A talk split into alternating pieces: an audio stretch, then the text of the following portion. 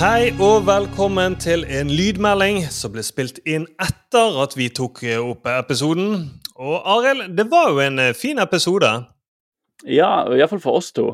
For oss to. For du Ja. hadde sett, Arild. Hva var det du hadde sett? Du, jeg eh, så hadde sett de Spiderman-filmene fra tidlig 2000-tall. Hvorfor jeg ender opp med å snakke om de, ja, det får du høre på podkasten for å finne ut. Ja, det er sant. Og jeg så Mm. dokumentaren The World's Biggest Drug Lord. It's Breaking Bad on steroids, is what it is. Hvis du ikke skjønner hva som han sier her, så fortvil ikke. For nå begynner faktisk episoden, og da vil alt dette gi mening. Mm.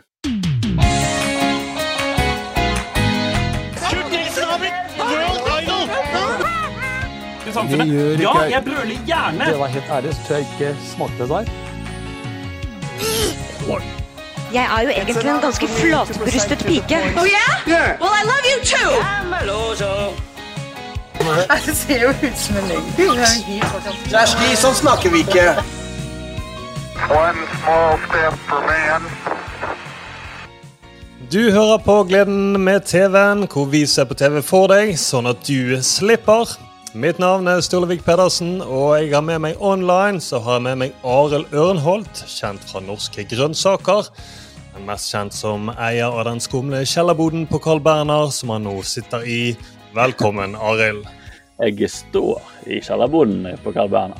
Du står. Jeg var ganske sikker på at du satt, og så var det så lavt under taket. nei, nei, nei, jeg er høyt, jeg er så lang, vet du, så hodet mitt er oppi taket.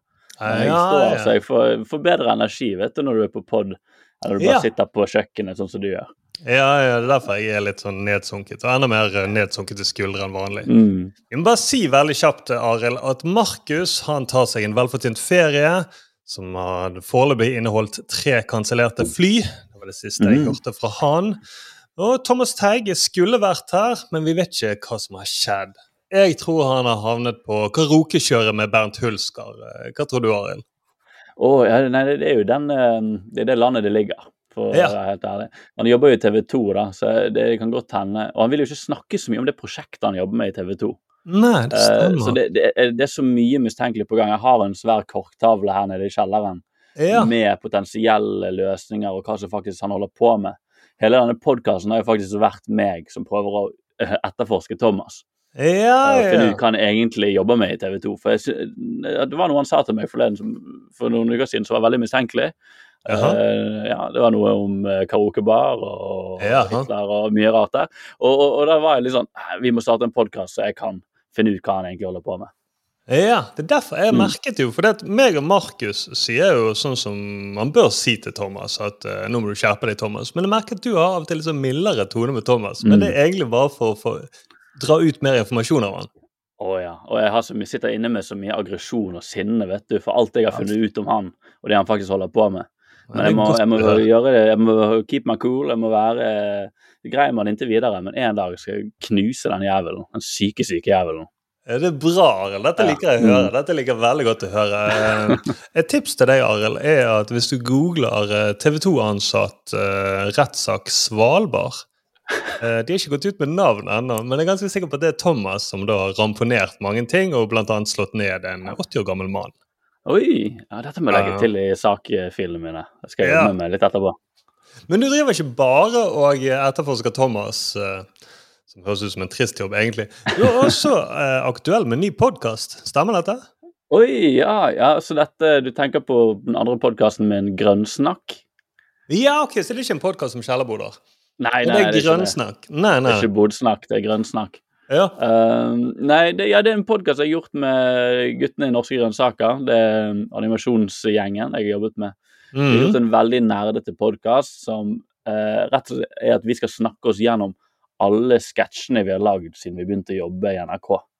Så ja. det en, eh, en, vi har jo spilt inn mange episoder, og, det har vært, og vi har begynt å legge de ut nå. Det er en veldig rar reise hvor vi egentlig bare skal prosessere egentlig alle traumene våre fra å begynne å jobbe i NRK for syv år siden til den dag i dag. Målet er jo der, det er jo en slags etterforskning, det òg, egentlig. Det er jo, målet er jo å finne ut hvorfor jeg skriker om natten, egentlig. Ja, sant. Mm. Jeg har jo Man skulle tro at den episoden jeg er mest interessert i, er den som skapte så mye eh, oppstyr. Men jeg er jo mest interessert i å høre den første sketsjen dere laget etter at Thomas begynte å jobbe i NRK. Oi. Ja, det, det, det må jeg faktisk finne ut hva var. For det kan jo hende du legger merke til at det skjedde sånn skifte i innholdet vårt. Ja, eh, når eh, markedsavdelingen da, med ja, Thomas ja. ja. Thomas, eh, ja, kom inn. ja sant. Ja, men jeg kan tenke meg. For det var vel en eller annen Er det der dere har den sketsjen med en eller annen med spisse sko som ble skutt i en båt eller noe sånt? Det, var, det har vært så mange mistenkelige drapssaker med sånne spisse sko uh, i media. Ja. Uh, og da tilfeldigvis begynte Thomas å jobbe i NRK, da, og det, dette det står masse om på korktavlen min om denne om hvordan man manøvrerte seg rundt omkring i Medie-Norge. Men, um, men dere blir jo nevnt i podkasten titt og ofte, du og, du og Markus. For dere var jo veldig er involvert i hvordan vi kom oss inn i NRK og sånn. Så vi Ja. name-dropper hvis de som lytter på dette her har lyst til å kanskje plukke opp et par saftige, juicy uh, baksnakk, som podkasten egentlig skulle hete, da Ja. uh, om Marx og Sturle, så kan hende det vi slipper et par eh, gullbiter etter hvert. Så det er bare å søke opp Grønnsnakk der du hører på podkast. Hvis du har lyst til å finne ut hvordan vi jobbet med eh, norske grønnsaker, så er det bare å begynne å lytte. Ja, grønnsnakk. Ja, men Da skal jeg høre litt. Jeg håper du bare sier fine ting om meg, da. Samme hva du sier om Markus, men bare så lenge du sier fine ting om meg. Ja, det er sant. Vi finner jo litt, ja, Det er jo på en måte, det er jo veldig hyggelig at det bare er meg og deg i dag, Sturle. For det er jo, du er jo på en måte, du er jo favoritten min. Av, eh, Ja!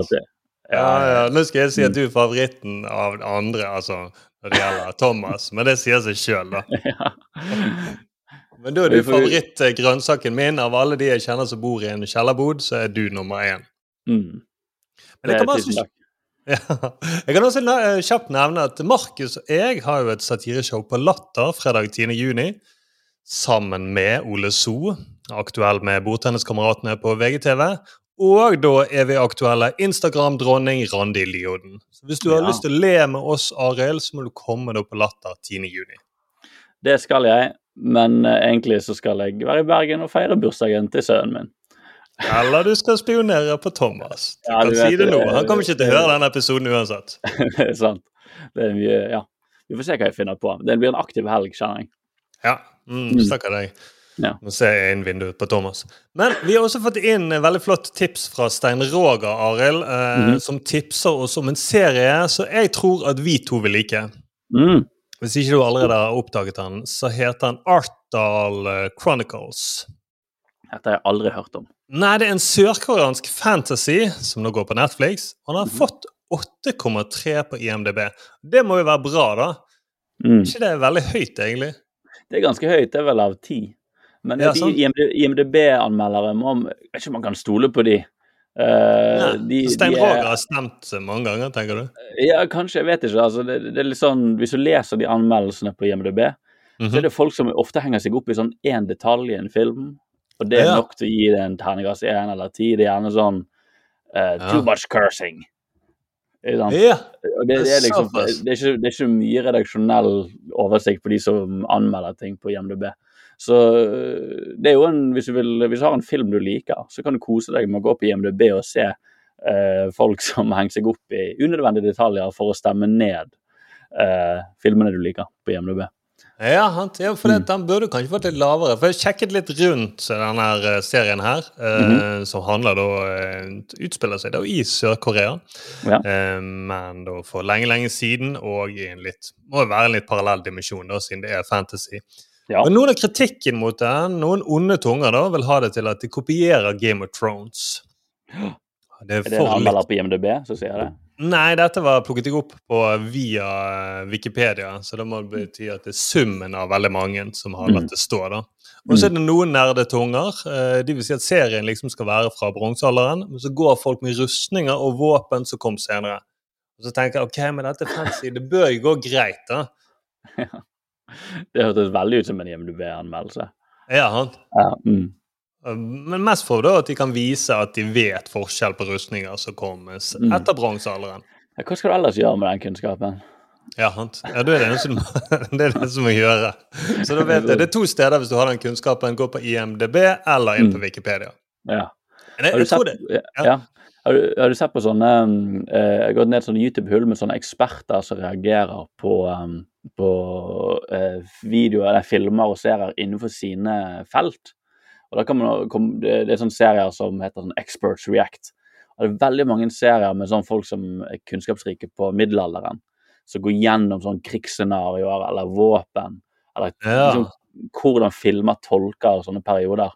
Um, og det er veldig koselig å se på, for det, du føler liksom her av disse ekspertene dette, Det er deres drøm. Jeg får lov til å sitte og bli filmet mens de får lov til å pirke på film og si sånn ah, den brynjen der var litt rarsnekret sammen og, og så litt for tung til å bruke klokken tre på ettermiddagen, for da var man jo litt ekstra svett. Og, altså de, de får lov til å bare virkelig pøse ut alt de kan om eh, middelalderen eller våpen eller hva nå det er. Og, Ja. og det er egentlig noe, jovialt med det nesten. Du blir ikke irritert på det, jeg blir bare glad på deres vegne. Ja, da skal jeg spille inn en film, så kan jeg si Braveheart, og si nei, William Wallace var ikke en amerikansk antisemitt. eh, Så nei, det er feil å bruke han her personen her. Mm. Og så var vel han litt høyere, fordi at jeg har sett en statue av William Wallace. Mm. Så da må han være høyere. Men, eh, men det er bra tips fra Stein Roger. eh, Mm. Jeg skal Har du- sjekke den ut. Du har, sjekket den. har du sett noe trailer eller noe sånt? Har du noe eh, inntrykk av hva det går i? Jeg så et bilde av en eh, koreaner med veldig lang bart og skjegg. Ja, men der har du det. Jeg Ja. er med. Ja. Mm, Som eh, noen vil si at på bronsealderen så har ikke de rukket å la vokse så lang bart og skjegg. Det kom litt seinere, da. Men eh, jeg tenker jeg er i fancy-modus, så det er bra. Det er good. Hva var det han het for noe, sa du? Han het Skal jeg se om jeg klarer ikke å uttale. Jeg har litt sånn eh, Jeg vet ikke om jeg har fått demens eller en annen hjernesykdom. Men han heter Artdal Chronicles. Eh, eh, jeg skjønner ikke hvorfor det heter Artdal, egentlig, men, men de kommer vel fra landet Art. Ja, men kanskje det hele riket heter Dale? Artdal. de bruker opp hele fantasybudsjettet sitt på tittelen, kjente jeg. Det, Ja, jeg følte det det- også. Det er et godt tips. hvis du skal- Jeg skal bare si godt tips hvis du Oi, nå, Oi, Nå legger vi. Ja, ja, men det går bra. Eh, Det er ingen det var liksom en romantisk komedie, står det. Ja! Mm. Jeg fikk en romantisk. Ja, jeg fikk en romantisk mail fra deg, Arild. Men jeg skal bare si at hvis du lager en fantasy, så lenge du har Chronicles på slutten, Mm. så tror jeg du er ganske safe. Ja, det, det virker som at her har de virkelig bare tatt tilfeldige ord fra ordboken Ja. og smekket på en chronicle. Det er Dick Dang Chronicles. Eller det tror jeg er oppfølgeren. Mm. Men fall, tusen takk til Stein Roger. Og hvis du som hører på har noen tips til ting vi bør se, så send oss en melding da, enten på 5080 Nyhetskanal på Instagram, eller på Facebook, eller enklere post at 5080.no.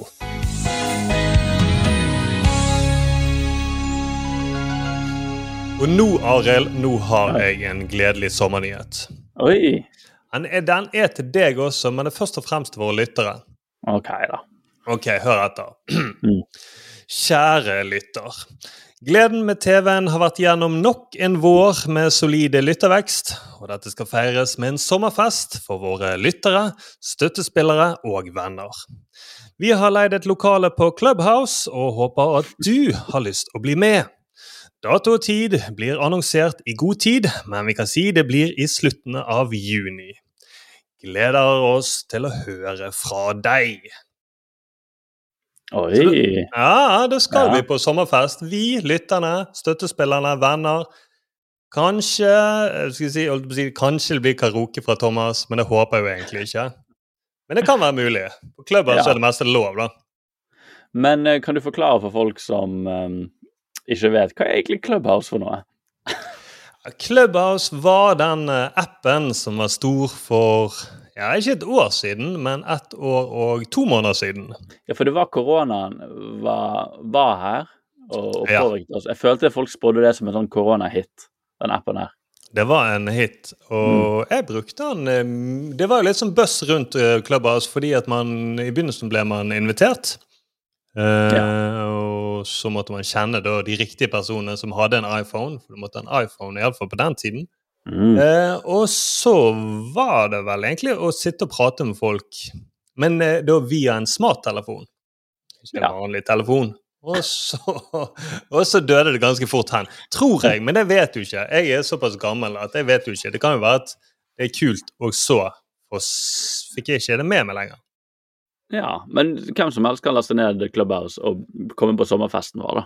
Yes, Hvem som helst kan laste ned. Eh, Du må ikke vise i døren at du er lytter av oss. Du kan også laste ned uten at du nødvendigvis er lytter. Mm. Men da må du være enten en støttespiller eller venner. Jeg tror det blir bra, og det innen den tid så tror jeg at uh, ja, alle de skandalene rundt eh, Thomas Jeg tror og håper at det har roet seg. Ja. Om ikke så skal vi endelig få stille han til veggs, da. Ja, det, Og det blir veldig deilig at det ikke bare meg og deg og Markus som kommer til å stille kritiske spørsmål, men alle lyttere kan også være med og stille kritiske spørsmål. Mm. Så ja, finn, gjør klar de kritiske spørsmålene nå. Ja, Uh, det blir en god gammeldags lynsjing, men på Ja. Clubhouse. mm, en slags intervention slash lynsjing. Ja, så kanskje ikke sommerfest, men lynsjefest. ja. Som var den opprinnelige årsaken til at man feirer da sankthans. ja, ja, ja, jeg tenkte på det. Ville lynsje hun hele pakken og ja, ja. Ja, ville lynsje hun eh, Sankt Hans eller Sunniva. Jeg er jo ikke helt eh, stødig på det. her. Men det er sikkert noen på IMDb eller Wikipedia som kan rette på meg. Men Arild, la oss gå i gang med TV-uken. Let's do it.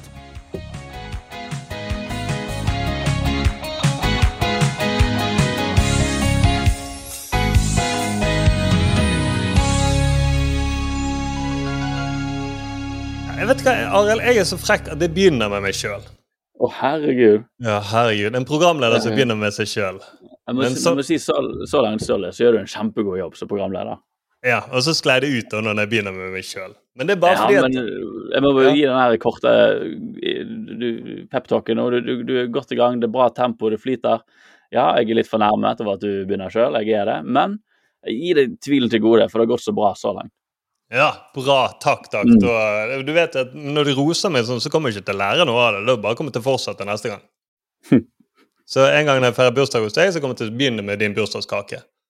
Jeg, jeg bare begynner med meg sjøl, jeg, Arild. Ja, hvis du er så kan- kjapp og effektiv uh, til festen som du er nå, så skal du få lov til det. Så, og så kan du si bare syng sangen eh, etterpå, Arild. eh, Til deg sjøl, for nå skal jeg spise litt kake. Nei, Grunnen er at jeg føler at jeg har gått på en sånn slags TV-sprekk. da. Så jeg er ikke så inne i TV-serien TV som jeg var tidligere vår. Altså I vår så var jeg, var inne i det, men nå føler jeg at det er litt sånn som går rundt på treningssenter, øh, men tusler litt mellom apparatene. Og så trener jeg litt uten mål og mening. Mm. Så, men jeg har sett en del The Office, det amerikanske Office, og Ja. det mener jeg oppriktig at alle må se noe gøy i løpet av dagen. Det, er, det skal bli mitt, mitt viktigste budskap i den selvhjelpsboken som jeg en eller annen gang skal skrive. Ja. Det er rett og slett se noe gøy, enten på TV eller gjennom vinduet når Thomas går forbi. Bare et eller annet som får deg godt humør. Så det er mitt mål til alle som hører på. Se noe gøy. Uh, Google bilder av Thomas, uansett.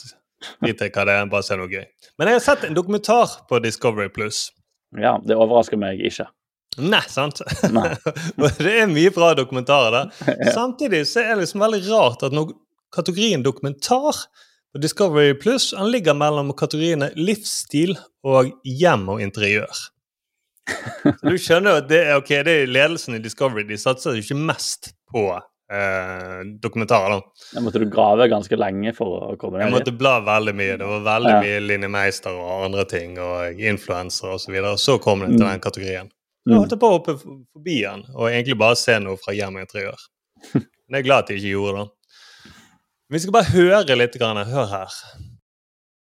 Ok, nå. It's Breaking Bad on steroids, is what it is. Mm, it's breaking bad on steroids, sa Oh. politimannen i den dokumentaren som heter da The World's Biggest Drug Lord. Ja, og det er alltid kult når noe blir sammenlignet med steroider. Og mm det, altså, dette var jo så kult at det var to ganger med i dokumentaren. da skjønner du at hvor kult det egentlig er. Ja. Den Mm. dokumentaren, tok du eh, Visste du om den før du så den, og gravde deg fram for å finne den, eller bare bladde du, og så stoppet den deg? Han stopp- Ja. Han stoppet meg med tittelen. Jeg Men det, et tips til Discovery Plus. Altså, dere legger ut bare det lydklippet av Breaking Bad on steroids. Hvis det bare begynner automatisk å spille i deg, åpner appen, eller andre Mm. åpner appen, så vil alle gå inn og se på denne. Og det var en kul tittel. Eh, og det handler da om uh, The World's Biggest Drug Lord. handler om en kinesisk-canadisk person som og nå Kanskje du vet hvordan man uttaler det, Arild, egentlig. Oi. Navnet TSE Ja. jeg, vet, jeg skjønner ikke helt hvordan man uttaler det, men amerikanerne uttaler og sier at han heter Chi-Chi-Lop. Ja. Chi-Chi-Lop. Chi-chi-lab. Så da får jeg bare holde på det. der. Enten kan jeg bare si Chi-Lop eller Chi-Chi-Lop. Mm. Jeg sier Chi-Lop, jeg, fordi jeg følte at det er si. Eh, enten så høres ut som parodierer amerikanere, eller så parodierer noen kinesere, og det vil jeg heller ikke gjøre. Ja, men eh, du, det er kulere å parodiere amerikanere. Ja, Chi-Chi-Lop. Ok, da. Chi-chi-lab. Som på 80- og 90-tallet han eh, bygget seg opp da som en slags ja, en slags Kaiser Sauce, hvis du har eh, sett den uh, Jeg tar referansen. Jeg tar Ja, du tar referansen. Det er de mistenkte, egentlig. Ja. Uh, og det, han er da en uh, chichilap. Han er da en stor narko-kingpin. Få vet hvem han er. Han forsyner da USA og Canada med heroin. Han er veldig vanskelig å ta fordi at kriminelle, kinesiske kriminelle de stoler veldig på få personer. Én så stoler ikke de på noen som ikke ser ut sånn som de. Så det at Mhm. eh, FBI har veldig problemer når de skal infiltrere denne gruppen. Og så stoler de egentlig ikke så veldig mye på hverandre heller. Det er veldig mye sånn familiebånd. Så du må Mm. nesten ha kjent hverandre i flere generasjoner for at du får innpass. Mm. Og i tillegg, Chilop han kommuniserer nesten aldri over telefon. Og i motsetning til andre mafialedere så flasher han aldri med penger. Så han var en sånn bakmann som trakk i trådene på 80- og 90-tallet. Så til slutt, i 1998, så klarer da amerikanske eh, politifolk og politifolk fra Canada de fanger han i Hongkong ved hjelp av lokalpoliti. Mm. Og da ble de veldig slått, Når de endelig møtte han, så ble de veldig slått av å se hvor vanlig han var. For han var helt vanlig klær. Han oppførte seg helt vanlig. Han var ikke noe sånn her brautende tøffas i det hele tatt. Det høres ikke ut som steroider, dette her. Nei, ikke i det hele tatt steroider. Men vent deg, Arild. Steroidereferansen kommer, skjønner du? Han tar, han tar av seg denne genseren, og da ser du steroidene. Ja, da ser du at han var egentlig en kjemilærer på steroider. Men han får da en straff på ni år i USA. Mm. Og så det Steroidene er det som gir han den rare kreften som Walter White også har. Ja, stemmer det. Det at, eh, man burde ikke tatt uh, så mye steroider, egentlig. Det var veldig mye steroider på en vanlig mann. Mm. Ja, og det var jo vanskelig med Walter White, så de skjønte jo ikke at det var kreft før, for de trodde jo bare at det var muskler. ja. Og så du har fått Alle de en- svulstene var bare så strategisk plassert på kroppen. Ja. Han Mm. så så trent ut. Ja, så de tenkte ok, du har svulst på leveren. eh, Mm. Ok, jeg vet ikke hvordan vi trener leveren, men det vi vet tydeligvis du, er her, kjemilærer. Jeg har aldri sett en så godt trent mildt før. Imponerende. Eller bukspyttkjertel. eh. Mm. Men eh, han er chill up, da. Han får da en straff på ni år i USA. Mm. Uh, men så soner han bare seks år, sikkert fordi at han oppfører seg eksemplarisk. Og så mm. lover han eh, han er dommeren at han skal nå han skal nå skal han bare starte opp et lite firma. Mm. Og dommeren tror på dette, og så forsvinner Chilop. Mm. Uh, og ingen hører noe fra han, og uh, som han politimannen i dokumentaren sier, jeg tenkte ikke mer over han. Nei, det var bra du sa, for da bygger det opp seg litt spenning, skjønner du. Så veldig bra Mm. at de fikk han eh, politimannen til å si dette. og så, nå begynner det å skje. Er du klar for steroide... Jeg, nå er jeg klar. Ja, nå tar dette en eh, Ja, det tar en vending som om det, om det var på steroider. Ja. Plutselig i 2013 og 2014 så flommer det plutselig over av eh, metamfetamin i Australia. Mm. Og det er da altså Chilop som sender tonnevis av eh, metamfetamin. Det er sånn man uttaler det. Jeg har jo ikke sett Breaking Bad. Amfetamin, ja. Metamfetamin. Metamfetamin. Metafetamin. Mm. Ja. Mm. Og I tillegg da, så sender han masse tonn der. Så sender han også heroin til Japan, kokain til Thailand og Indonesia, og videre til Taiwan.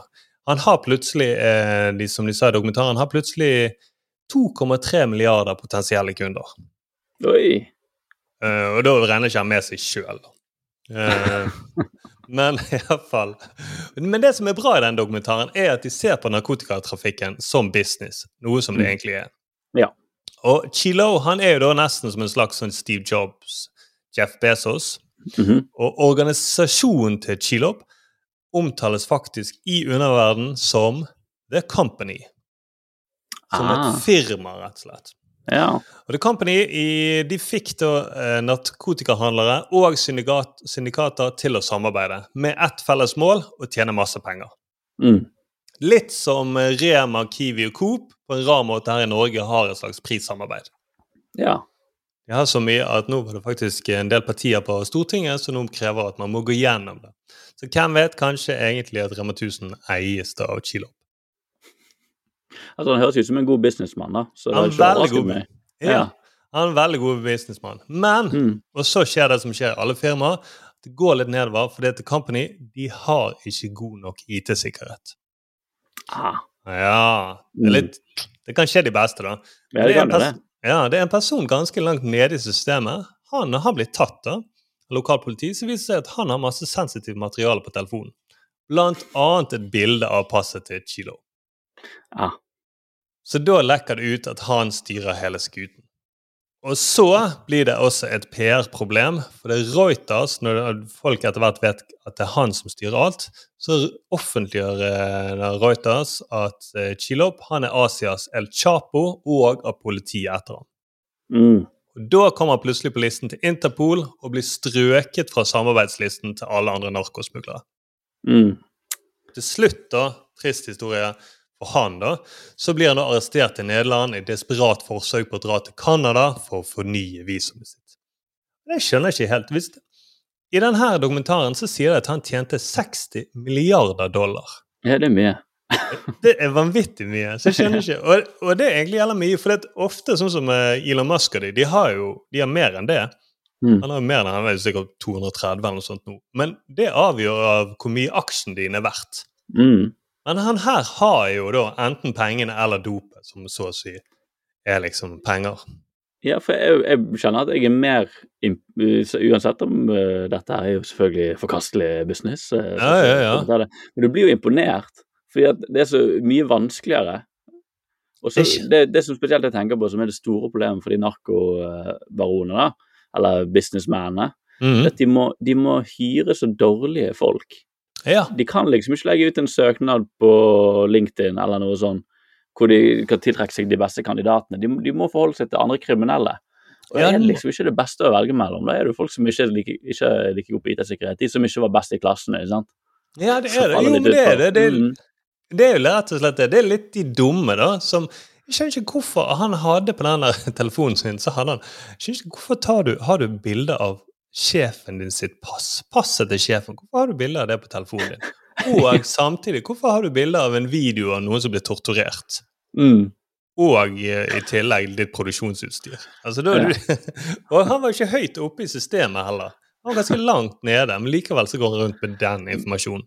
Men det var akkurat disse faktene her som blir plukka veldig fint opp da i Breaking Bad, som gjør Ja. at Breaking Bad ofte er veldig morsom og nesten er, er en farse.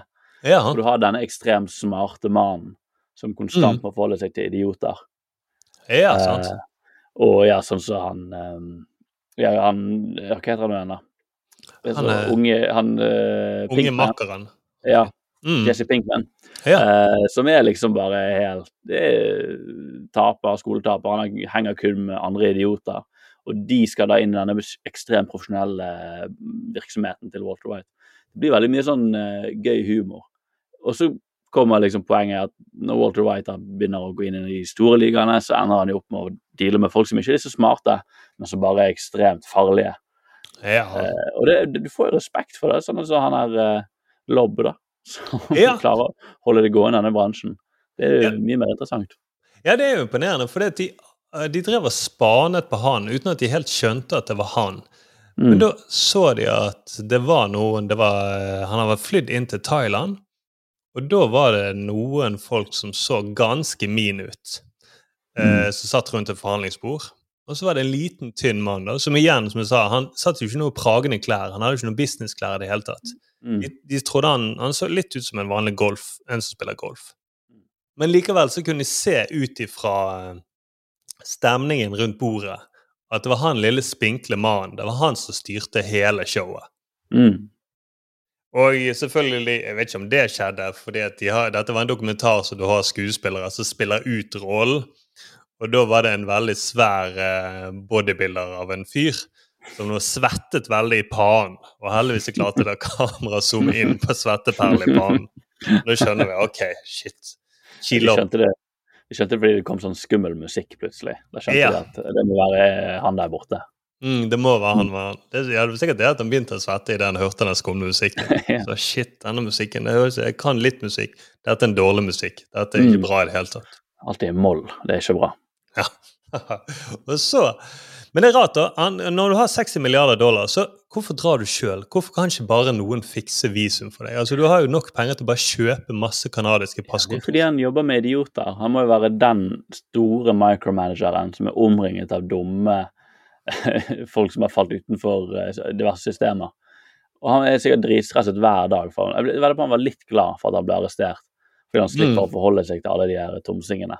Jo, men det kan bilde av passet hans, så, så det er jo Og det er sikkert det han også sa. Nå reiser jeg, og så eh, skal jeg få eh, myndighetene til å stave navnet mitt korrekt. Ikke sånn som amerikanerne eller Sturle sier men sånn som det faktisk skrives.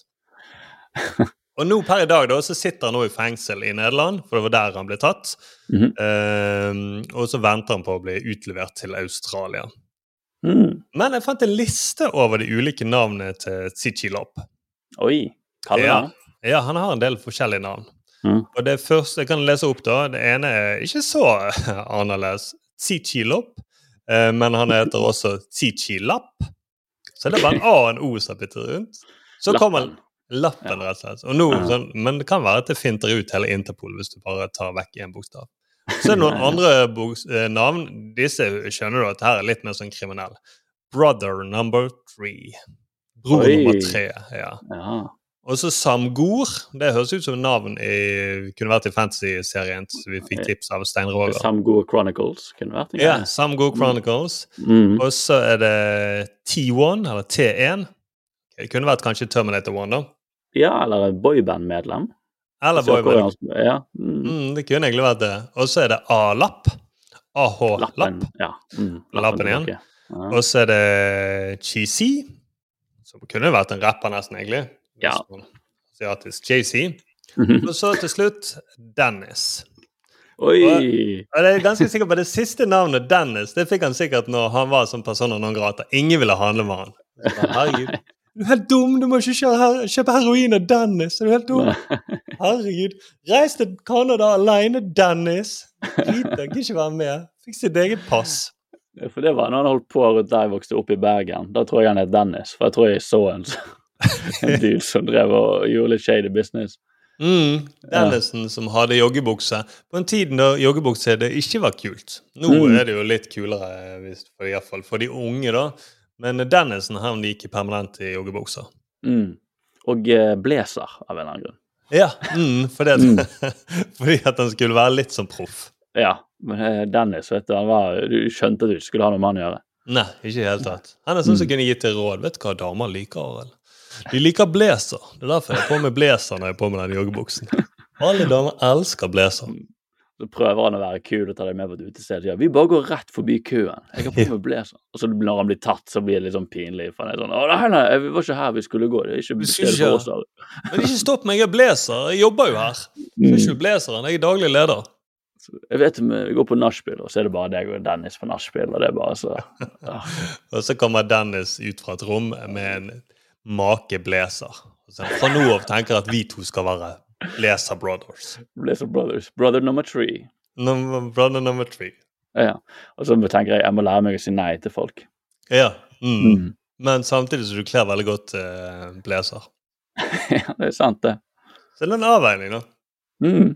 Og det triste i den dokumentaren, som alle dokumentarer om eh, sånne drug lords, er jo at selv om Dennis da er borte, så vil det jo alltid være en eller annen drug lord som tjener penger. Mm. Så da håper jeg framtiden, for å unngå Dennis med blazer, så bør vi egentlig bare putte all narkotika inn i Vinmonopolet. Så ja, jeg mener det slipper, det tjener ikke Dennis noe penger, og så mm. det, slipper du å være på nachspiel med Dennis, og så kan du gå med en blazer uten å måtte gå med joggebukse.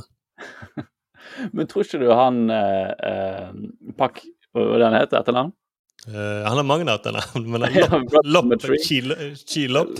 Ja, Brother Number Three, da, som jeg ikke Mm. likte. Ja, Visste du ja. at han eh, egentlig kunne gjort ganske god business med å bare holde foredrag om slik driver du en eh, suksessfull virksomhet?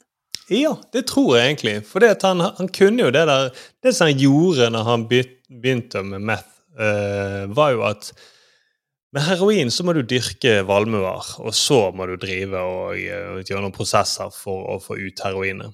Mm. Men med meth så hadde du Det er ikke noe du skal dyrke, det er alt syntetisk. Mm. Så du fikk det kjempelave produksjonskostnader. Og så er det lurt, da, hvis du eh, skal produsere noe så ulovlig, kan man produsere det akkurat rundt grensen til Myanmar. Der det er sånne eh, militser som driver og kan beskytte deg for penger. Mm. Det er kjempeinnovativt. Ja, det gjelder smart. Og det at han samarbeidet med den mafiaen eh, i Japan. skal ikke hva de heter nå.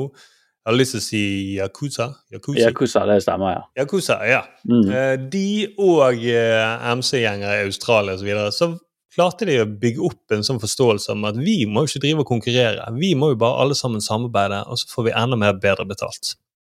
Jeg, jeg kjenner litt på det nå at eh, det er jo noen virksomheter, sånn, litt sånn lyssky virksomheter, som ofte ligger litt foran eh, mange andre. Sånn som for eksempel, Det er jo vanlig at F CIA og sånn uh, hyrer hackere som de tidligere har arrestert. Fordi Ja. at de hacker sånn black hats, da, Uh, onde hackere, Ja. Uh, at de får jobb i CIA sånn når de blir tatt, fordi at du har folk som har funnet ut hvordan man kan utnytte systemet de Mm. kan jobbe seg rundt systemene. og Da vil man selvfølgelig jobbe med de som kjenner til alle smutthullene. Ellers er det veldig sånn i teknologi så er det liksom veldig vanlig sånn klassiske greier med at pornosider og sånn alltid ligger foran i teknologi og utvikling. Eh, Ja. de, sånn så, det er ofte sånn som med DVD-er og sånn, og internett, og det å lage videoer på internett, det er så utrolig mye det som vi tar for gitt nå i Netflix, og hvordan det funker. Det er sånn som pornosidene holdt på for 20 år siden. Fordi de bare ligger alltid foran på en eller annen måte. De må liksom, de må høsle litt mer for å, for å få folk til å, å, å bruke det. Jeg tror konkurransen også er større i sånne virksomheter. Jeg Ja, for, sånn at det Folk som selger metafetamin, det er liksom Burde ikke de ja, burde ikke Rema 1000 hatt han innenfor liksom Hvordan skal vi selge disse babyproduktene? det er jo vanskelig. Ja, ikke sant? Mm, hvordan kan du smugle det inn? Jeg kan ikke smugle Jo, jo, men det er sant. Jeg skal bare si det med pornoindustrien, for de har jo dobbel konkurranse. Ikke bare konkurrerer de mot, mot andre aktører, Mm. men på, eh, på internett er jo alt ligger jo der ute gratis. Ja. Så da var det om å gjøre hvordan kan vi lage videoer med god kvalitet. Mm. Hvordan lett finne det du vil ha, uten å drive og gå av på masse sånne shady nettsider hvor du får masse virus. Ja, ikke sant? Og, og eh, som brukergenerert innhold og sånn. Det har jo vært en greie på porno Ja. kjempelenge. Mm. Der begynner jo folk endelig å skjønne sånn Å, jeg kan bare stille opp et kamera på soverommet mitt, og så kan jeg bli mangemillionær på TikTok. Ja. Jo, det har eller holdt på med for lenge siden. Mm, eller Onlyfans, ikke minst. Ja, men det er sant, det. Og, Mm. eh, og eh, Uber, den der uh, si, drosjeappen, Mm. den også driver jo i sånn grenseland av hva som egentlig var lov. Mm. Og, men da var det sånn at vi, de sa sånn Vi gidder ikke vente på at politikerne skal lage noen lover mot oss. Vi bare gønner på. De visste egentlig en del av de visste at ok, vi er i sånn grenseland. Dette er nesten ikke lovlig, det vi holder på med. Men uh, vi mener at verden bør tilpasse seg etter oss. Ja. Litt sånn som uh, Dennis tenker, da. Ja, ja, ja. Nei, jeg vedder på den Dennis, ja. Det er litt sånn Det at han bruker bare cash og sånn Jeg vet ikke, det at han ikke um, Jeg vet ikke, jeg føler det, Han er litt sånn som den blekkspruten som uh, ser, ser vi hvordan det går i EM. Ja. Synske blekksprut. Det liksom, du, må, du tror ikke helt på det, men det er kanskje noe til han her. Han til seg.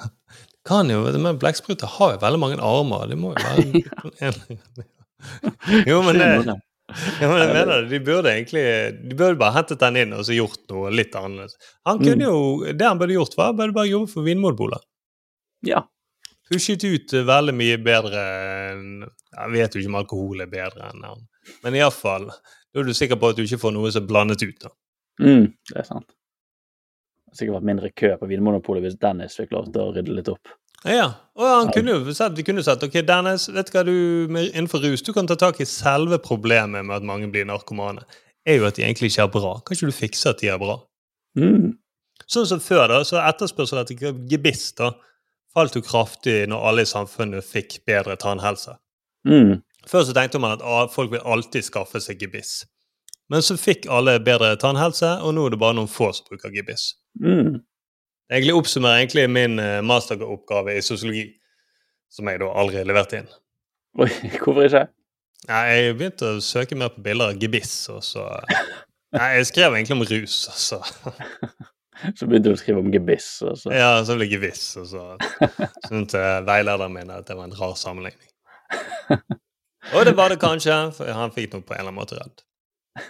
Men eh, hvem blir nå? Nå snakker du endelig om gebiss Ja. på en podkast. Mm. Så hvem vant egentlig? Endelig fikk du bruk for den kunnskapen. Ja. Å, så trist. Så det var, det var egentlig min uke, Are. Jo, det er nydelig. Det var en fin dokumentar. Du har hatt mange gode dokumentaropplevelser i det siste. Ja, syns jeg. Ja, ja, ja. De opererer, de opererer jo i så mye forskjellige felt. Ja. Høydepunktet mitt vil jeg si, det var jo eh, for to episoder siden, når jeg så denne episoden om Dracula, The True Story. Ja, den var veldig fin. Ja, den var veldig Men hva er det som dokumentar? For det det er jo, du ser du, du gikk litt på en smell med, med TV-titting. Men hva er det med dokumentarer som appellerer sånn til deg? Hvorfor er det så Jeg tror ene er jo at de jeg kan, jeg kan ikke sitte og se en dokumentarserie som varer i mange mange episoder. Det orker jeg ikke. Mm. Men det er det at de faktisk er over etter en stund. Ja. Selv om Discovery Plus sier at den er uh, The World's Biggest Drug Lord, det var da episode én i sesong én, men så er det bare én episode.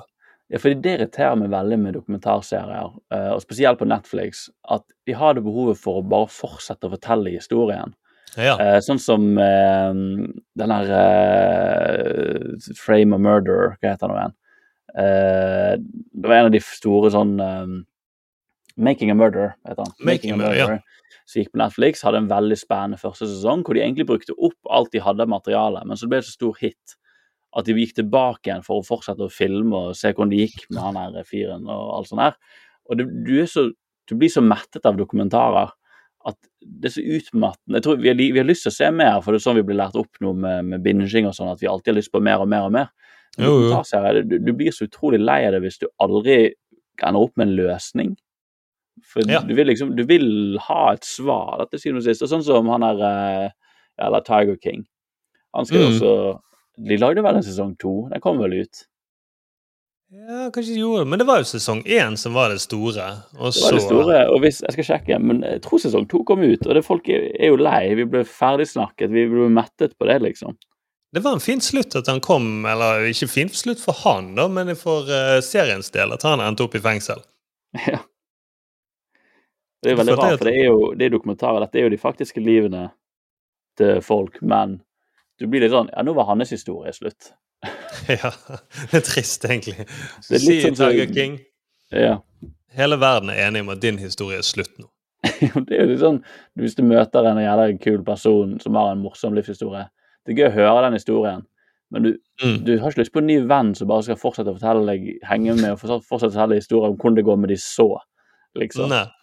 Eller King 2 begynne kom ut, forresten, i fjor. Gjør han det?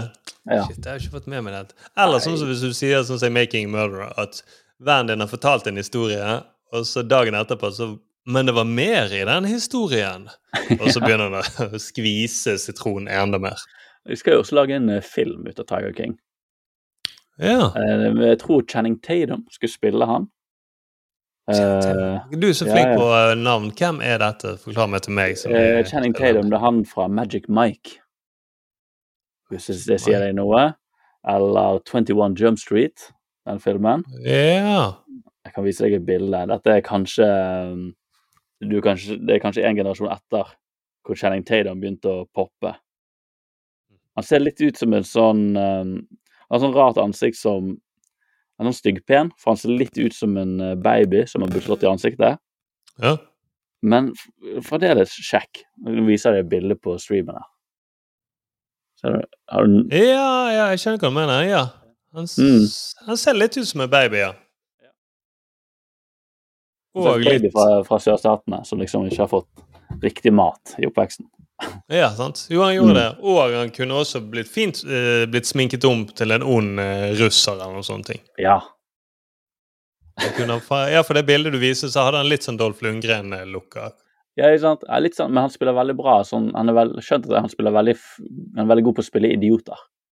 Ja. Og Det er så deilig når en sånn kjekk skuespiller skjønner det. Altså, Jeg skal bare spille idioter, for det er min kall i livet. Da blir det, det, det, Jeg skal ikke spille forsker, jeg, sånn som Arnold Schwarzenegger endte opp med å gjøre.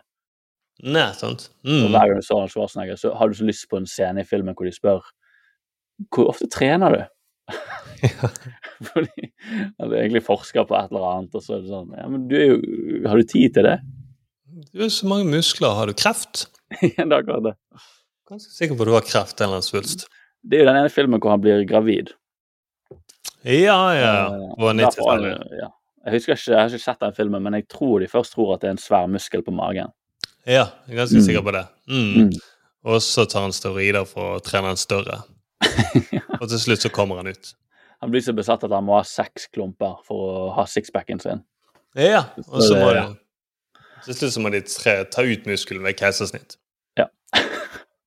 Ja, men den filmen uh, har jeg ikke lyst til å se. Nei, nei, nei, det var en hit på 80-tallet, men de lager ikke sånne filmer lenger. Nei, de gjør faktisk ikke det. Verken at menn blir gravide, eller Eller ikke så mye komedier heller, egentlig. Mm. Eller jeg håper det var en komedie. Ja. Men hva har du sett, Arild? Jeg har jo sett litt av hvert, men jeg ble litt sånn eh, grepet av den situasjonen vi endte opp i, hvor det ble bare meg og deg. Ja? Eh, fordi det er jo litt sånn vi, Man har kanskje skjønt at denne episoden, fordi Markus ikke er her, så blir det en litt mindre intellektuell episode, kanskje. Mm, det blir det. Litt Ja, mer. Litt mer gebissprat og sånn, og fordi Thomas ikke er her, så er det litt mindre Mr. Bean-fakta og sånn. Ja. Uh, men vi to har jo også noe til felles som vi ofte liker å preike om, og det er jo uh, superhelter. ja. Ja. Og jeg, egentlig så hadde jeg drevet og sett, jeg har sett på Stranger Things, og jeg har sett på, Ja. på Paradise Hotel, nye sesongen av Paradise Hotel, for de har rebootet det. Så jeg var litt nysgjerrig på hvordan det skulle liksom funke. Er det med Tix i Ja, hovedrollen? det er med Tix. Ja. Ja. kjapt. Det de har gjort der Jeg skrev masse notater, og sånn, men jeg gidder ikke å gå gjennom alt. Men Ja. kjapt greien er jo at de for Paradise Hotel var jo Hele poenget der var jo at de hadde næret seg på å lage en serie som liksom skulle fremme litt det verste i folk. Det var veldig Ja. sånn Mm. en, eh, Grunnen til at jeg ikke likte det, var for at jeg følte det var veldig sånn et program som skulle tiltrekke seg eh, sånne små Donald Trumps. Donald Trump juniors. For poenget med det var liksom at du skulle eh, konspirere om å komme på toppen, og du skulle svindle folk, og du skulle lure folk til å tro på deg. og så, altså Det var liksom veldig mye forkastelige folk. Det var liksom en slags sånn følelse som at de Paradise Hotel-folkene hadde lagd en slags serie som var en sånn honningfelle for svindlere og voldtektsmenn. Ja, annet enn fjøslykt, så de hang ut. ja, rett og slett. Og det var litt sånn, og det var veldig trashy, da, TV. Og så i fjor, da, så endte de opp med at han som vant det, han, når han vant, så var det en dame som sa at ja, men han her voldtok jo meg. Og så innså de at å ja, kanskje det ikke var så smart å lage serie hvor vi, hvor vi bare samler masse potensielle svindlere og voldtektsmenn, når de faktisk potensielt sett driver og gjør det utenfor TV-skjermen også. Ja, han Eh, gjør liksom de til helter. Ja. Så, nå, mm. så det var litt sånn, så nå har de prøvd rett og slett å gjøre en slags reboot hvor de Det skal, skal ikke handle om Det handler mer om, eh, så vidt jeg forsto det, av det jeg så, at de sier at alt har forandret seg.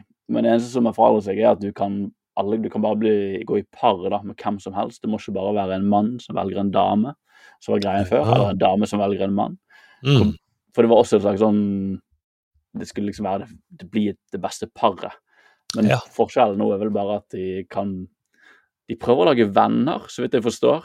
Og det er veldig Ja. sånn hvor de skal bli venner basert på personlighet og ikke på utseende. Det er- litt rart. Det er potensielt sett helt fantastisk genialt eh, premiss, ellers er det veldig tannløst. Jeg klarte ikke helt å fange det ut av det lille jeg så. Det høres Fordi- ut som en slags sånn Bli med-dansen-programmet på Ja, for det, det jeg så, det føltes, det føltes veldig sånn her eh, Paradise eh, Hotel Junior, på en måte. Ja. For det er litt sånn her fokus på vennskap og liksom bli sammen de, de har en greie hvor du skal gå i partner med noen. Du har ikke sett dem, men du får bare vite litt om personligheten deres. Og alle sier jo sånn at 'jeg bryr meg om miljøet, jeg bryr meg om skeives rettigheter'. Altså det er veldig sånn Ja, du, skal bare, du skal bare bli venn med folk som er fantastiske, og så hvordan ser denne fantastiske personen ut? Og så ser det bare ut som en person. Jeg vet ikke, Det mangler et eller annet sånn brodd, da. Ja, for du vil jo ha noe konflikt, eller et eller annet som skaper i hvert fall spenning, da. Ja, det- er liksom det grunnleggende premisset i reality er jo at du skal være konflikt. Eller det skal være et eller annet tydelig premiss som setter opp til konflikt.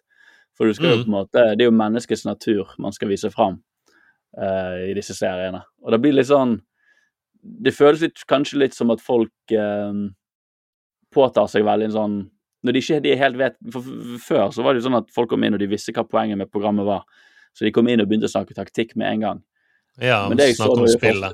jeg får snakke om spillet, og hvis vi to går sammen, så kan vi lure han eller hun eller hva er. Men nå Ja. var det litt sånn, ut av det jeg så, da, at eh, de bare skulle henge og finne ut finne litt ut hva det som foregår her. Med sånn leirskole-vibe, nesten. Og første dag på ja. leirskole.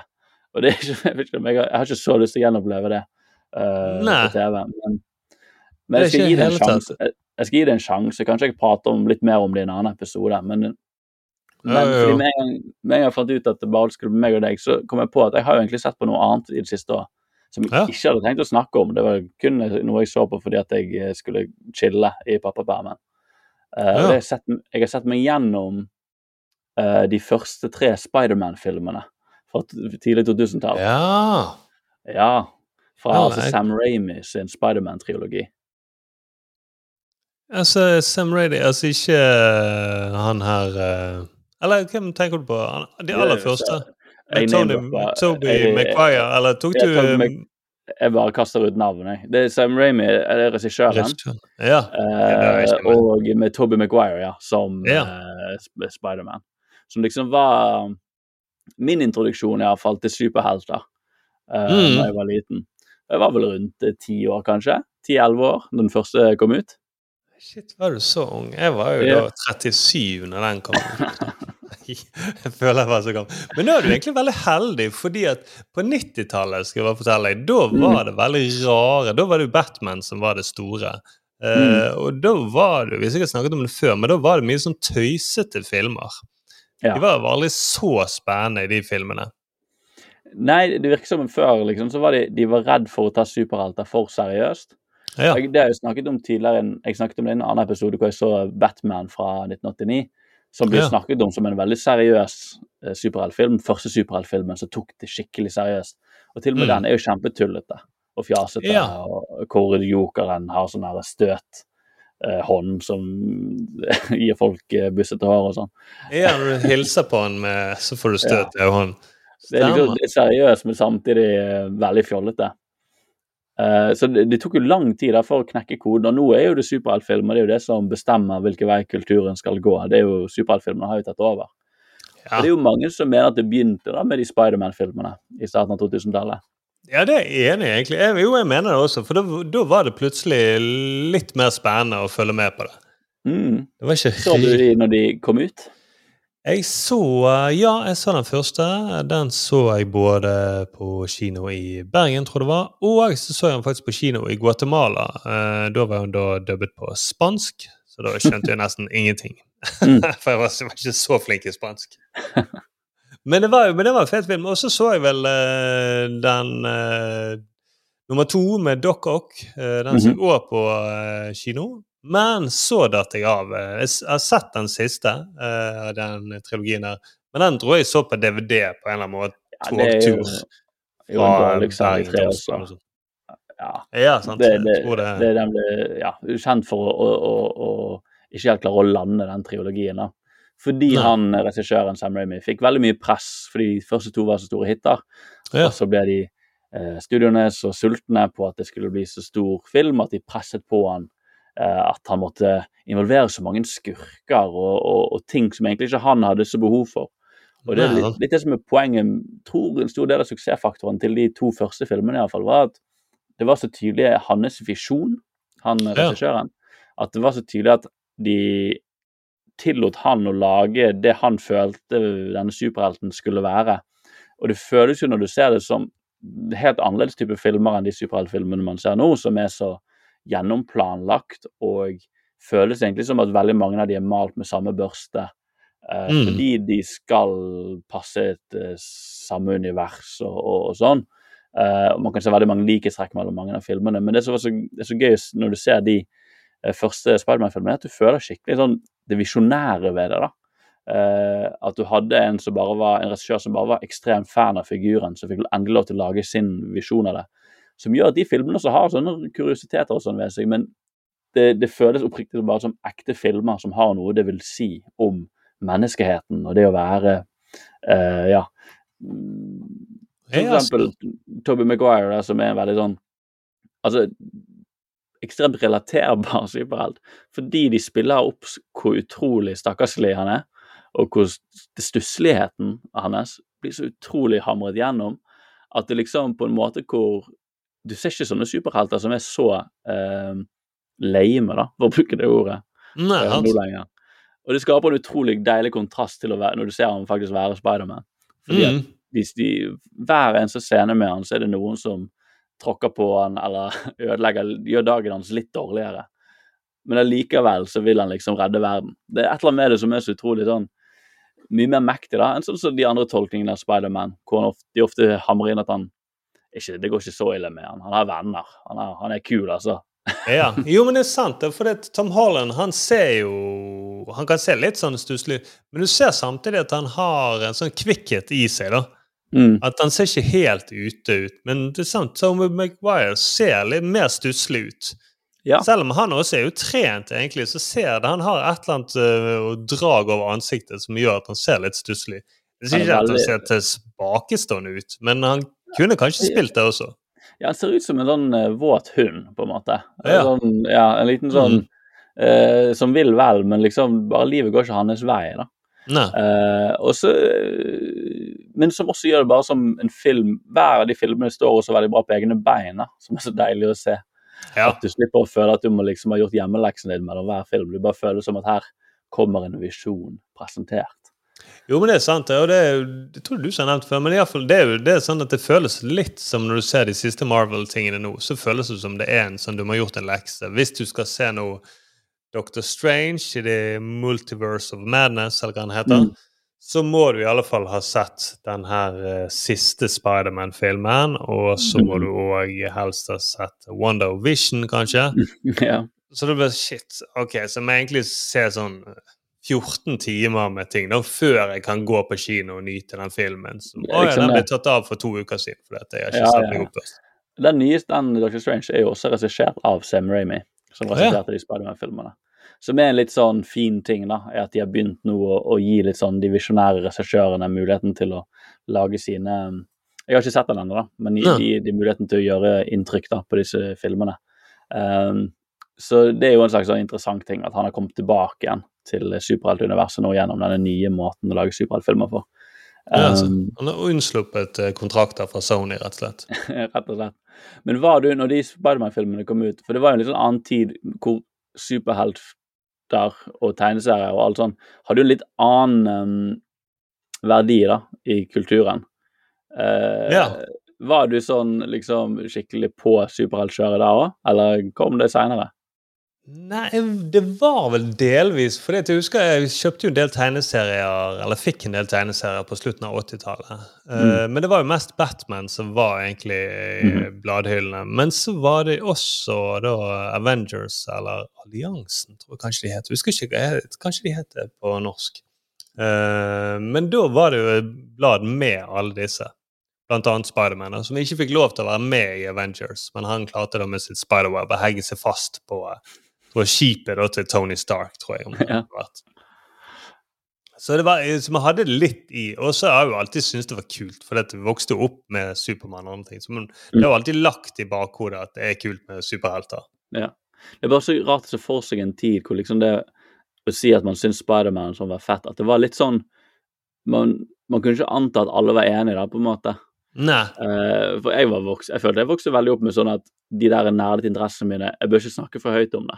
Ja, sånn, Altså, ja. det, det Kanskje det er noen kompiser som liksom gir et lite handshake, hvor man skjønner at OK, du skjønner greia.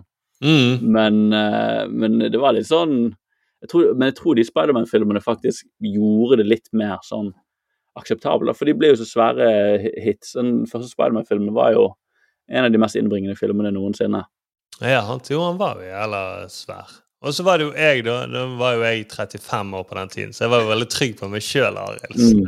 Nei, men jeg, jo, jeg så jo han Hvordan gammel var jeg da? Jeg var jo vel 18 omtrent. Så da det kom i den bølgen med Matrix og andre filmer som gjorde at ok, dette, vi trenger ikke kalle det superheltfilm, vi kaller det bare actionfilm. Ja. Ja, ja. Vi, vi kan safe det på den måten. Og jeg var jo uh, livredd, selvfølgelig, for disse Spiderman-filmene. For de er jo, har noen sekvenser i seg. For det er jo han, Sam Raimi er jo, han er jo skrekkfilmregissør, original. Ja. Uh, og noen sekvenser så er ekstremt uh, bra lagd, men også effektfulle. For de er så ikke skumle, men de er så voldelige, på en måte. ja. I, Iallfall i de to første filmene, som er de, de gode filmene, så er det liksom måten han der eh, Green Goblin dør på, da, er så utrolig bra lagt fram, hvor han blir spiddet av sin egen sånn glider. Stemmer. Jo. Og det, ja, Det gjorde inntrykk. Det, det er sant. Det er noe det jeg er husker. etter en lang sekvens hvor han og Spiderman bare banket hverandre opp inni et sånn uh, skjul. Hvor det bare er støvete og blod, og det liksom Det blir så intenst, da. Og det er fordi at han skjønte at herregud, dette må selvfølgelig være intenst. Etter slutten av filmen nå skal vi nesten tro at Spiderman kommer til å dø. Da, må Ja. da, da gjør han det litt ekstra ekkelt og ukomfortabelt. Og meg som tiåring ble jo helt eh, ikke, Jeg ble helt satt ut av det og måtte liksom Men ville likevel se det, for jeg visste at dette er jo jævla fett. Men eh, det er kjempeskummelt, og jeg vet ikke om jeg burde se det. Um, Det er sant. Den er ganske blodig, egentlig. ja, den, den, med sånne, plutselig med sånne drypp. Den, har, den spiller på hele registeret. For det, er det er som en film, så jo, inneholder han jo liksom absolutt alt av kjærlighet og romantikk og fantasi og blod og gørr og alt, egentlig. Og i toeren er det jo en veldig ikonisk sekvens hvor han Doc Ock har uh, gjort et eksperiment som har feilet, og han har disse metallarmene på ryggen, eh, Mhm. som da har på en måte overtatt litt sinnet hans. Jo, ja, det stemmer. Det er det Jeg skal bare så veldig for meg noen folk som ikke bryr seg om superhelter. Ja. Nå tror jeg de vurderer å skru av denne poden. Eh, Markus skrudde av for fem minutter siden. Thomas skjønner ikke hvordan man skrur av, så han hører fortsatt. Men han prøver å trykke, så roper han på konen Celine. Så hun kommer han har snart og mistet hjelper. telefonen ned i do, men han har på høyt, av en eller annen grunn klart å skru på Sonos-anlegget, så høyttalerne i huset bare blæser ut denne samtalen vår om superhelter. Men uansett, da. Når de armene til Doc Ock har tatt over kontroll, så er det en sekvens hvor han skal bli, de skal prøve å operere av han armene på sykehuset. Ja.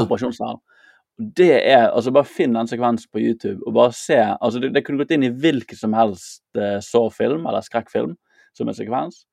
For det er disse armene som ikke har lyst til å bli revet av kroppen til eh, Doc Ock, og virkelig bare maltrakterer dette eh, disse legene som jobber med han. Eh, og Ah. river de, kaster de rundt og, og river de langs gulvet. og Det er så voldelig og så brutalt. Og jeg, Hver gang jeg så den da jeg var liten, så måtte jeg hoppe over den sekvensen. For det var bare for mye. Og det, men nå når jeg er blitt eh, eldre, da, eh, så er jo det selvfølgelig utrolig kult at de kan sette opp en figur. For han blir jo kjempeskummel når du Ja. ser hvor voldelig og hvor fæl han er. Selv om han aldri gjør noe sånn igjen i resten av filmen, så er du livredd for han, for du føler disse jævla armene. Jeg kan jo rive deg i fillebiter. Det, men jo, men det, er bare, de har på en måte brent deg, da. At du, du skyr den karakteren etterpå. For jeg husker jo Nå kommer en del minner tilbake. Sånn som den første filmen. Så er jo lure Spiderman inn i en brennende bygning. Ja. Og da er det også sånn der eh, liten, lite barn som roper etter hjelp, eller en kvinne som roper etter hjelp. Mm, Og så er det Green Goblin som da har gjemt seg bak. ja. Eh, og det er jo typisk sånn 80-talls- eh, eller skrekkfilmer. ja. At man løper inn, og så tror man at det er lite barn som skal reddes. Og så idet du får se ansiktet, så er det et eller annet monster. Det er en veldig absurd og rar sekvens, for den damen skriker jo og hyler jo som en sånn hvinende stereotypisk dame i nød. Og så når du er Green Goblin, dette rare kostymet, Ja. så jeg har veldig sånn 'Dette var Nå tok jeg deg.' Men egentlig er du veldig komisk, for du får lyst til å si sånn 'Hva var det du Skuespill, hva er det du har drevet på? Hvor lenge har du stått i denne bygningen og latet som at du er en dame Mm. som trenger hjelp? Har alle de brannmennene ute sett deg Ja. holde på? Altså, hvor lenge har du vært der, liksom? Jeg Tror ikke du er helt frisk, eh, Green Goblin. Du du er ganske sprø. Du er litt gal, du. Jeg tror du er ikke helt god i hodet. Jeg tror du har tatt eh, et eller annet grønn, giftig gass som har eh, forpurret stemmen din, i hvert fall hvis du har den der kvinnestemmen. For det er sånn tegn på at Green Goblin sånn Du jobber best alene, for ingen lagkamerat hadde gått med på den ideen. Man sitter og planlegger. Ok, her er greien vi skal ta Spiderman. Dere tenner på bygningen. Jeg går inn, og så roper jeg følgende rop. Mm. Mm. Og jeg vet okay. dere, og ta det med ro. Jeg skal gå kledd ut som en gammel kjerring. Men vi, vi, dere skjønte vel at det var en gammel kjerring når jeg Ja, ropte? Ja. Mm. Jo, det tror jeg. Jo, det. Kanskje vi bare brenner den med all denne Vi har så mye gass og drit. Kanskje vi bare Nei, nei, jeg skal kaste disse gresskarene på han. Og jeg har dessuten gresskar med små ninjastjerner inni, og de skal jeg kaste på. Det er sånn må, vi må ta han. Det går ikke an å ta den på noen annen måte, skjønner dere. Nei, nei, kula vil ikke hjelpe, skjønner dere. Dessuten så er jeg jeg er en gammel dame, jeg kan ikke holde en pistol. Men gammel gresskar eh, kan jeg kaste. Ja. Jo, men jeg husker en del sånne filmer eh, som jeg så da jeg var mindre, så var det jo sånn De var jo ikke laget for ettertid. Jeg har skjønt at de egentlig ikke var laget for å være så skumle. Men det var jo første Ghostbusters-filmen. Mhm. Som jeg har sett igjen, så har jeg skjønt ok, det var jo bare morsomt, egentlig. Eh, men der var det jo, når du ser han litt feil alder, så var det jo kjempeskummelt. Jeg skjønte jo at de, de, de som var litt eldre, jeg skjønte jo at de lo av et eller annet, men jeg skjønner ikke hva er dere ler av? Ser ikke dere hva som er på TV? Det er fucking spøkelser. Vi må bare skru av før de kommer inn i stuen. Men det var jo ikke samme type regissør. Det er noe annet. uh... Nei, det, men de var jo Jeg har forresten hørt den uh, historien om Dan Aykroyd og, og Ghostbusters og sånn. Hvor han egentlig Det var jo han Dan Aykroyd, en av de skuespillerne, som var mm. fra Blues, Blues, Blues Brothers, som nå lager uh, vodka. Han, eh, Lager han ja. vodkadrikke? Ja, han lager vodkadrikke. Jeg tror det er en sånn eh, eh, hodeskallformet vodka, hvis jeg ikke tar feil, som han driver og selger. En Fantasy-vodka. Ja, vodka Chronicles. Ah, bra. Ja. Nei, han, eh, men han er jo egentlig ganske eksentrisk type, da, for å si det mildt. Så han hadde Mm. egentlig skrevet en sånn Jeg tror det var en bok eller en langt filmmanus om som ikke, Eller det var ikke filmen, så var det han, noe han mente, basic konspirasjonsteorier om romvesener og spøkelser. Og en, egentlig en slags sånn fantasy-epic, for han, han tok det så seriøst. Og så jeg tror han, etter å snakke med Bill Murray og de andre og, de, og regissøren, og sånt, så var det litt sånn at jeg tror dette er litt mer sånn barnefilmterritorium. Hvis vi bare skreller vekk all den galskapen din, uh, så tror jeg dette kan bli en ganske underholdende film med noen kule effekter og sånn. Men gjennom hele filmen så må du bare vite at Dan Aykroyd tar dette tematikken med spøkelser veldig seriøst. Han, han mener, for, det, for det er noe med, med Ja, Ghostbusters som er veldig sånn underfundige påfunn, og du føler sånn noe reelt, for de går inn i andre dimensjoner, og det, det er liksom noe sånn eh, eh, liksom forskning inne i bildet her som er veldig fjasete, men som jeg tror Dan Aykroyd går rundt og virkelig tror på. da. Jo, men det kan jo gi mening, for i den Ghostbusters eh, første filmen så er det jo, handler om at de eh, skal vekke tilbake en eh, gammel gud fra Babylon og sånne ting. Mm. Så ja. Jeg tror, jeg tror han, er, han, er, han er på romvesener og, og, og litt sånn der eh, eh, Ancient aliens og alle de greiene der. Ja, sant, Eller hvem Mm. som egentlig bygget pyramidene. Ja, de, de Mm. tingene der. Mm, eller bygget og han er Stay Puff-man. Ikke lenger med han. Men det er fint at man trenger litt sånn eh, ja, sånn eksentriske folk da, til å lage filmer, barnevennlige, skumle barnefilmer. Men det er egentlig det de burde sagt til alle som finner på en religion. Det er veldig kul den scientolog-greia, men uh, kanskje vi skal lage en barnefilm om det, egentlig. Skjønner det at du tenker at uh, sjelene til eh, noen vesener har havnet ned i en var frosne, havnet ned i en vulkan, og så har de trengt inn i kroppen vår. Men kanskje vi skal lage en barnefilm om det? Eller om en uh, da. Hvis man Ja, det er sant. Mm. En annen religion fra Midtøsten. Veldig mye moral i denne boken, så det vil funke veldig bra på barne-TV. ja. Mm. Ti bud det er jo kjempefint. Barn elsker Mm. ting som er ti. Tenk én episode på hvert bud. Ja. Mm. Mm. Den skal ikke begjære nestes asen, eller hva han heter. Men jo, men det, det er sant. De har jo Selv om jeg synes det, på en måte jeg syntes det var kult med en del Marvel-filmer, sånn som de gjorde med den første Iron Man, så testet de det bare ut. ok, Helt på slutten av rulleteksten. Vi bare tester. Nick Mm. Fury sier OK, jeg vil snakke med deg om Avenger Initiative, eller hva det er. Mm. Og så eksploderer det på internett, og så shit, nå kommer det som vi har lest om i tegneseriene. Mm. Men det blir også litt hemmende, for det føles noen ganger som det bare er en sånn transportetappe. Ja, det, det, det kanskje bare Jeg har egentlig ingenting mot de Marvel-filmene. Jeg ser jo veldig mange av dem, men jeg tror jeg har mer sånn forhold til sånn at hvis jeg hadde hatt en veldig suksessfull nabo, eller noe sånt, Mm. så det er greit å bare liksom titte litt bort over gjerdet og se hva, hva du holder på med nå for tiden. Jeg hører mye om deg.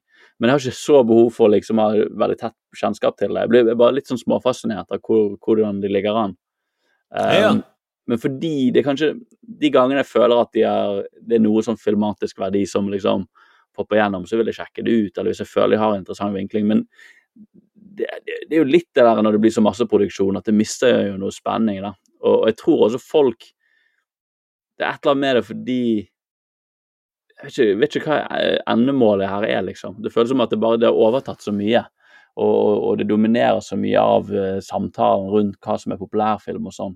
Det var jo veldig mye snakk om sånn under korona, liksom kinomediet kom til å dø eh, ut. Og så var det liksom ingen filmer som klarte helt å samle folk. Men jeg tror det var Marvel, jeg husker ikke hvilken Marvel-film som kom ut da, Uh, som beviste liksom at nei da, folk, det er superhelter, fremdeles det funker. Det får folk ut på kino, liksom. Jo, men det var vel uh, sikkert den her uh, siste Spiderman-filmen som kom Yes. nå i januar. eh, Ja, no Way. Home eller noe sånt. Mm. Den Ja, ja, ja. gjorde det jo stort igjen, da. Ja. Men, jo, men jeg er enig. Jeg syns, at de eh, For å være helt enig i det Jeg syns at de to første Thor-filmene Mm. De følte jeg at det var bare sånn OK, nå eh, skal vi lage tre-to filmer før Mm. neste Avengers-film kommer. Mm. Og få fortelle litt om han, og så kan vi legge inn liten, liten sånn lite eh, easter egg til de Mm. fansene. For at, Oi, ser du denne steinen? Lurer på om den dukker opp senere. Men den siste, den ene, Ragnarok, nummer tre i de to filmene, der virker det som de ok, vet hva, nå skal vi bare lage et gøy manus. Mm. Og nå skal vi Ja, lage Thor, også en gøy karakter. Ja, for da ga jo de veldig han regissøren, da. Um, Taika Waititi, som han heter. Uh, som blant annet har jobbet med Flight of the Concord så mye sånn. Ja. Uh, han fikk jo bare der, For da var vel de skjønte vel at ok, vi kommer til å miste denne figuren, Thor-figuren, hvis ikke vi gjør noe nytt med han. Mm. Og så, så vidt jeg vet, la han fram en pitch som bare var at jeg hadde bare lyst til å ødelegge denne figuren og ha det kjempegøy med han. Og ikke ta han seriøst i det hele tatt. Og så var det flaks at han eh, skuespilleren spiller Thor, da. Chris Hemsworth er veldig morsom. ja. Så han klarte og tok det litt på strak arm. Så da klarte de jo liksom Fordi de ga han Taika Waititi litt sånn kreativ frihet, så ble jo det plutselig noe som poppet veldig. Og det virker som at det er den veien det går nå, da. At de skjønner at de må, de må få sånne kreatører som faktisk har visjoner, og som vil noe. Eh, for at det skal virkelig poppe. Utenom de Spiderman-filmene, som får lov til å bare være så mange Spidermaner de får plass til på skjermen som mulig. Ja, det tror jeg det kommer holdt til slutt. Jo, men det er jo sant. Og Stan Lee har jo Jeg vet jo alle hvor mye han er jo Han har jo hatt sitt preg på ikke nødvendigvis filmene, men de her eh, bladene han har vært med å lage. Mm. Eh, han har jo ikke laget alle sjøl, selv, selv om det virker Nei. nesten som det er han som har tegnet også. Men det gjorde han vel aldri. Men iallfall det han sier, er jo at eh, DC var alltid så eh, I Marvel så ville han alltid at det skulle være humor. Mm. Det skulle være noe tull. Som jeg tenker Mm. det, eh, Hvis du må valge mellom å lage en kjedelig Thor-film eller en gøy Thor-film, så Mm. Selv skal han gøy. Selv Ja, om det blir er liksom ja, og den grunnideen med Marvel-filmen liksom er at det skal handle om Det skal være menneskelige historier, da. Eh, kontra DC, så liksom det skal være guder, og det skal være helt utenfor våre fatteevner og sånn. Eh, så var poenget med Marvel at det skal alltid være noe menneskelig i bunnen, da. Ja. Og det, jo, det, de jo, tar jo de vare på. at de, de klarer jo å få skuespillere og sånn, som klarer å vise en eller annen slags menneskelighet fram oppi alt det der eh, fantastiske. Um, Jo, det er sånn. de det virker rett og slett de bare klart å ta den tegneserielogikken og få det over på, på kinoskjermen. Så det Mm. blir en sånn eh, ja, månedlig opplevelse hvor du går på Narvesen for å plukke opp en ny eh, tegneserie. Det er liksom ikke det største i livet, men det er alltid noen, ja, det er noe å gjøre på. Jo, jo, men det er jo noe, da. Mm, Jo, men mm, det er sant, det var jo det de gjorde også med Spiderman. Han gjorde det for tull. Så Mm. tenkte han at vet du hva, nå skal jeg bare kaste oppi denne gryten, så hiver jeg at han også skal ha litt sånn problemer. ja. Altså, han skal ikke være den kuleste, han skal være litt nede på rangstigen på skolen. Mm, Og noen ganger omtrent må liksom gå hjem til Queens fordi han er tom for spiderweb. det er jo helt rart å tenke på hvor logisk det er for oss nå som skal komme på historier. Fordi før var altså Supermann som bare var helt fantastisk. Det er jo ingen barn eller tenåringer som kjenner seg igjen i det. Nei. Og det da si at ja, men hva med noe, en superhelt som faktisk er litt sånn som deg, som ikke helt har peiling og bare nerdete og, og, og sånn. Uh, så det Mm. Er ikke rart. Og så er det Batman oppi det, da, så det er så rart at han er populær, for han er jo kanskje verdens minst relaterbare superhelt. Ja. Han var jo de Altså, han har jo den mørke siden med seg, Mm. som du tenker OK, han er ikke helt god i hodet. Men før der var jo han bare fjasete. Ja, det er sant. Men Det er eh, min favorittversjon av Batman. En annen fjasete. Rar. fjasete. Men der, liker du filmene, eller liker du de Fordi at når jeg var liten, skjønner, Arild, så gikk faktisk Batman på TV2. Vi gikk Ja. Hver mandag, og det var to episoder eh, som hang sammen. da. Så mandagen så fikk du se den ene episoden, og så tirsdagen så fikk du løsningen. Og så Hvis du var så dum som meg da, så gikk jeg spilte musikkorps om mandagen, da hadde jeg glemt å ta det opp. Og så så vi bare eh, slutten eh, tirsdagen. Så skjønte vi egentlig ingenting. Men det var, det var den her 60-tallsserien. Ja, men den, den er sett eh, faktisk gravd opp og sett ganske mye. Jeg liker, Fordi det er så rart og så tullete, og Batman er så weird. Veldig rar. Alle skurkene er så rare. Og det er en av mine virkelig sånn eh, Hvis jeg trenger liksom å bare kose meg med noe, så finner jeg den filmen eh, fra den 60-tallet hvor han sprayer sånn her eh, haiavstøtende middel og, på haier og Ja, sant? Jo, for det. løper rundt i byen og prøver å kvitte seg med en sånn svær, rund bombe. Fuck, så teit. Jo, men jeg husker, jeg husker til og med jeg, når jeg så det, hvor gammel var det? Da var jeg kanskje ni år, eller noe sånt. Så skjønte jeg at det var noe feil, for at han var på et diskotek og danset. Og så danset han, og så var alle bare 'Wow, du danser så bra, Batman'. Og så liksom OK, men nå er vi ferdig. Det var jo nesten Austin Powers på en eller annen måte. ja. Og så var det sånn OK, nå er vi ferdig. Nå må vi fange skurken. Og det, til og med da så skjønte jeg, for jeg hadde jo tegneserier av eh, Batman som var egentlig ganske drøyt, drøye tegneserier. ene var at han tok folk som eh, solgte ecstasy. Det var det. Det var bare moral. Han tok og fanget folk som solgte ecstasy. Eh, Det var det ene bladet jeg husker jeg hadde. Andre bladet så var det jokeren. Han skulle drepe alle i FN. Og så var det sånn, så sier Supermannen det er ikke noe problem, for jokeren har ikke tilgang til FN-bygget. Med mindre noen er så ond og dum at de gjør han til diplomat for sitt land. Og så neste rute Her kommer delegasjonen fra Iran! Kommer fra jokeren. Jokeren ble da valgt av Iran som deres diplomat. Ah, skjønte de ikke det? At han ikke skulle bli diplomat? Oh. Så dumme de er. Uh, og da var det jo konflikt, selvfølgelig. Det har jo alltid vært konflikt mellom USA og Iran de siste ti årene. Men i alle fall. Så da ender det opp med at jokeren kommer inn og slipper ut en dødelig gass. Heldigvis. gass. Han var ikke atombombene.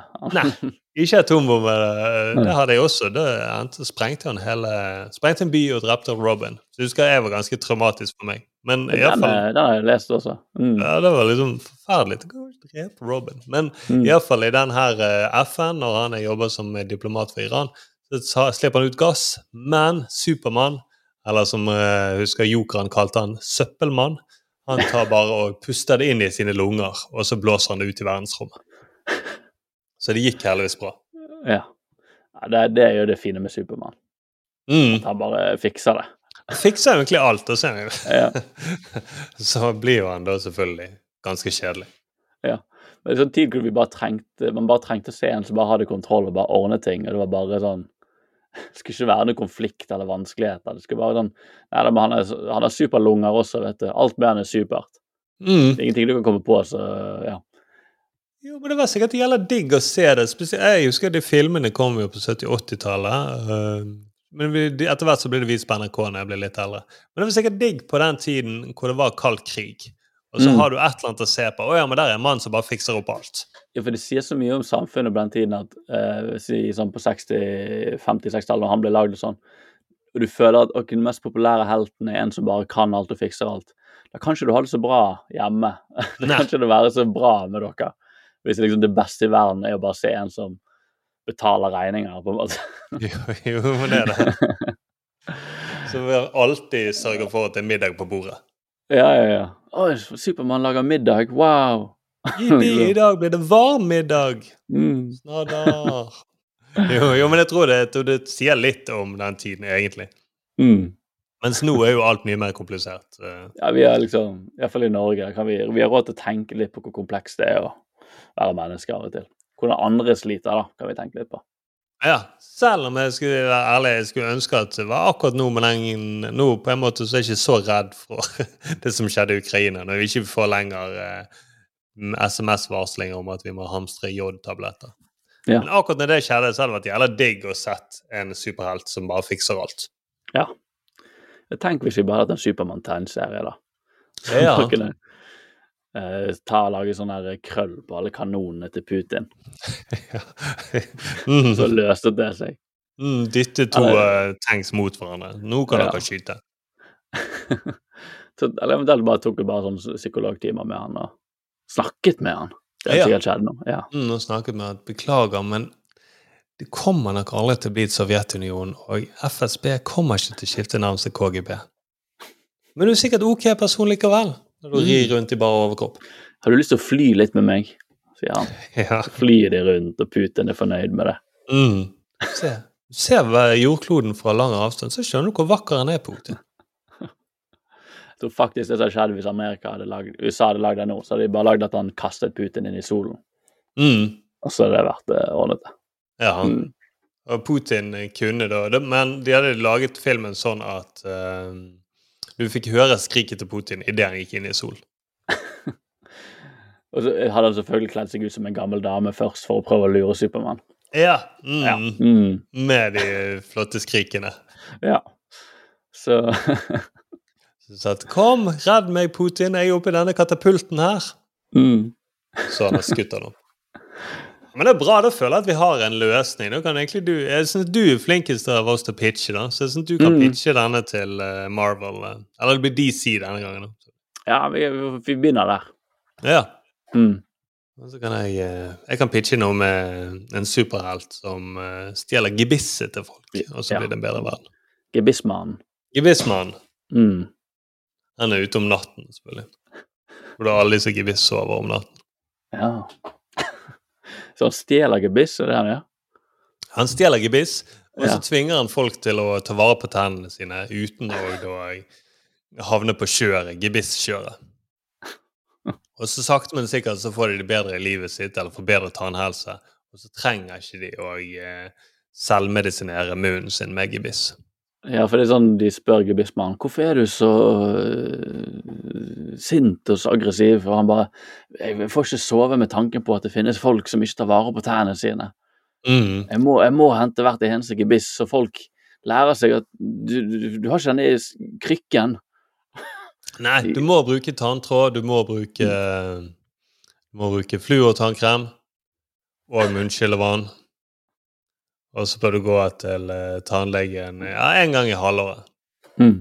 Og så kommer Folkeopplysningen til å lage en episode etterpå og si nei, det er feil.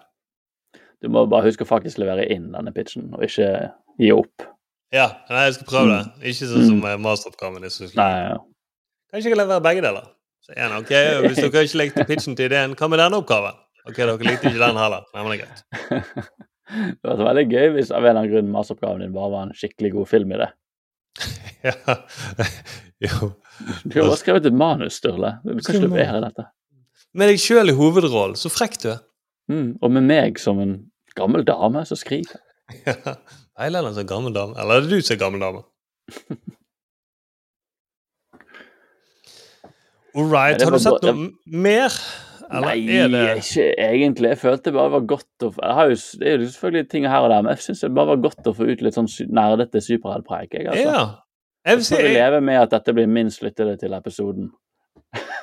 Hva sa du egentlig? Sorry. Vi får leve med at dette blir en episode med minst lyttere. Ja, dette er minst lyttere. Nå har til Ja, og med det- Thomas klart å skru av. Ja. Men vi må eh, komme noe informasjon her. Altså, neste uke, Arild, så blir det jo Mm. ingen podkast. Nei. For da er Markus og meg vi er fullt opptatt med showet vårt, som mm. er da på Latter fredag 10. juni. Mhm. Så Arild, da får du fri denne uken. Du får lov til å se akkurat det du vil. oh. Thomas han har lovet å bruke friuken klokt. Han skal endelig da lage den vignetten som han har lovet så lenge, så det gleder vi oss til. Mhm. Men i uke 24 så er vi tilbake, for de som holder på styr på disse ukene. Så innen den tid så vil jeg bare si se noe gøy. Ja, det var veldig fint. Ja, den var fin. Mm. Se noe gøy, ikke um, ta steroider. Ja, hvis du har eh, plutselig fått en stor muskel over natten, så dessverre, det er nok en svulst. Det er dessverre det. Men, men kanskje du kan nyte sommersesongen, eh, sommerkroppen, en siste sommer, da. Siste sommer med en veltrent svulst. ja, det er veldig hyggelig, da. Ja. Mm. Det får være de siste ordene. Mm. All right, men vi snakkes om to uker, blir det. Uke 24. Se etter den i kalenderen din. Vi snakkes. Ha det fint. Ha det bra.